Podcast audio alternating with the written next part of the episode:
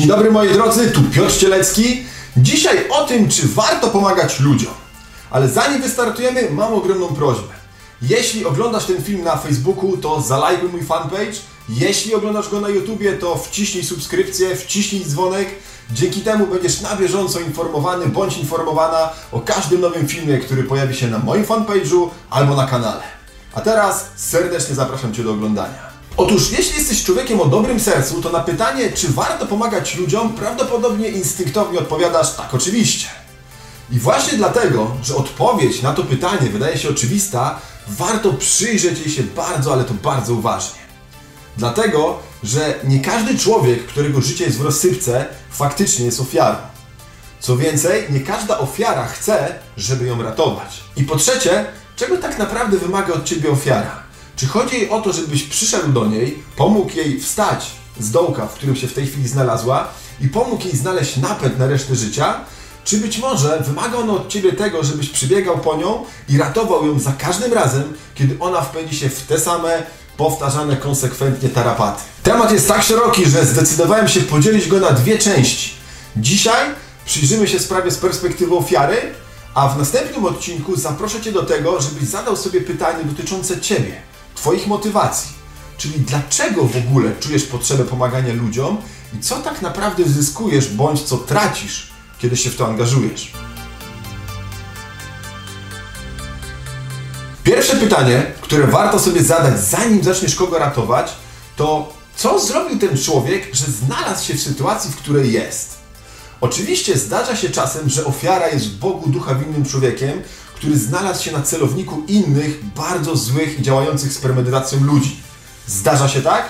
Aczkolwiek jest to raczej wyjątek od reguły, niż reguła sama w sobie. Więc zanim wyciągniesz rękę, żeby pomóc komuś wstać, zadaj sobie pytanie, w jaki sposób zapracował sobie na to, żeby znalazł się w miejscu, w którym się znajduje. Dlaczego ludzie od niego uciekają? Dlaczego mówią o nim w niepochlebny sposób? Jaką energię wysyła ten człowiek w świat dookoła siebie? Jaki ma wpływ na swoje otoczenie? I oczywiście, jeżeli będziesz słuchał tylko jego wersji, to gwarantuję, że ułoży się na spójną, logiczną całość. Dlatego to, co warto zrobić, to zdobyć się na perspektywę zewnętrznego, obiektywnego, niezaangażowanego w sprawę obserwatora. A będzie to tym trudniejsze, im więcej czasu spędziłeś w towarzystwie ofiary.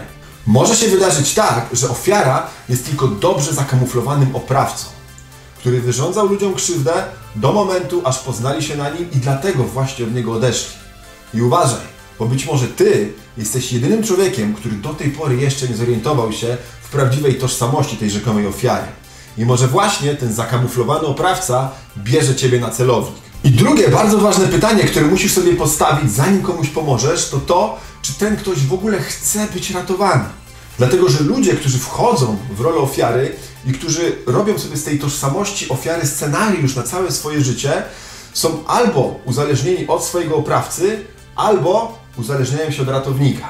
I najpierw weźmy na warsztat przypadek pierwszy, czyli ofiary uzależnione od swoich oprawców. Wiem, że brzmi to dziwnie, ale niektórzy ludzie do tego, żeby funkcjonować w społeczeństwie, potrzebują człowieka, który permanentnie będzie się nad nimi znęcał i podcinał im skrzydła. To są ludzie, którzy powtarzają zdania w stylu: Zobacz, do czego mnie doprowadziłaś. Zobacz, co przez ciebie zrobiłam. Ja chciałabym być innym człowiekiem. Chciałbym uzewnętrznić swój potencjał, chciałbym lepiej zarabiać, mieć lepszą pracę, mieć fajniejsze hobby, ale nie mogę, bo ty. I tutaj ofiara wylewa litanie zarzutów pod adresem swojego oprawcy. Rzecz w tym, że nie robi nic oprócz tego. To mogą być osoby, które przebywają latami w związku, który jest dla niej konsekwentnym pasmem upokorzeń, bólu i cierpienia a jednak w nim są. To mogą być ludzie, którzy dzień w dzień chodzą do pracy, która nie daje im satysfakcji, która jest ślepą uliczką, jeżeli chodzi o rozwój ich kariery, narzekają na nią dzień po dniu, tydzień po tygodniu, a jednak nie robią nic, żeby to zmienić. I przychodzi do nich przyjaciel i mówi: Stary, ta praca donikąd cię nie prowadzi. Możesz pracować w dużo lepszym miejscu, zarabiać więcej pieniędzy, rozwijać się, rzuć tę pracę i idź na rynek. I wtedy ofiara odpowiada: Nie mogę. A to nieprawda. Możesz po prostu się boisz. Dlatego, że rzucenie pracy na etacie i założenie własnej działalności wymaga odwagi. Odejście z pracy, która nie daje Ci satysfakcji i ubieganie się o lepszą, bardziej kreatywną i bardziej rozwijającą Cię pracę również wymaga odwagi. Bo na rynku będzie wielu innych przedsiębiorców, którzy będą z Tobą konkurować. A na Twoje miejsce, na Twoją posadę będzie konkurować wielu innych, równie wykształconych i równie ambitnych ludzi. I ścieranie się z nimi wymaga odwagi. A bycie ofiarą wymaga tylko jednej rzeczy, jednej decyzji zaakceptowania swojego żałosnego położenia. I drugi rodzaj ofiary to ofiara, która szuka cały czas swojego wybawiciela. To jest ten model dobrze znany nam z wielu bajek. Księżniczka, porywana przez straszliwego smoka, oprawcę, zostaje zamknięta w wieży i czeka całymi dniami na błędnego rycerza, który przyjedzie na białym rumaku i uwolni ją z tej wieży. I w końcu rycerz przybywa i ratuje księżniczkę. I żyją długo i szczęśliwie, do momentu, kiedy księżniczki nie porwie banda troli albo ogrów i nie zamknie w innej wieży. I ona znowu, całkowicie pasywnie, będzie czekać na ratunek. I żebyście nie zrozumieli mnie źle, nie jest tak, że zawsze kobiety występują w roli ofiary, o nie. Bardzo często wchodzą w nią mężczyźni. Na przykład 35-letni facet, głowa rodziny, chce wyjść na zewnątrz i przychodzi żona i mówi załóż czapkę i szalik, bo się przeziębisz, bo dostaniesz zapalenia płuc. A on momentalnie zakłada czapkę i zakłada szalik i wychodzi i wraca po godzinie zlany potem, bo było za gorąco i mówi żono, spociłem się. A żona mówi to czemuś nie zdjął szalika, bo mi nie powiedziałaś. I to są autentyczne historie. Ale jemu jest to na rękę, bo teraz się zapocił i go zawiało i dostanie tego zapalenia płuc tylko z innego powodu i położy się do łóżka i wtedy żona znowu może przyjechać na swoim białym rumaku z aspiryną i paracetamolem i uratować swojego biednego męża. I ma potem na kanapie dziecko pięcioletnie, siedmioletnie, czterdziestoletnie i jeszcze jedno pięcioletnie. Więc jeżeli chcesz komuś pomóc, to pomagaj mu, ale go nie ratuj. Zwróć uwagę, że w słowie pomoc zawarte jest słowo moc. I o to chodzi w pomaganiu. Masz wyciągnąć osobę, jeżeli nie jest w stanie wyjść z dołka, w którym znajduje się w tej chwili, a potem masz dać jej moc do samodzielnego działania. Masz pomóc jej odkryć swój potencjał i znaleźć w sobie siłę do tego, żeby proaktywnie szukała wyjścia z tego labiryntu, którym jest nasze życie.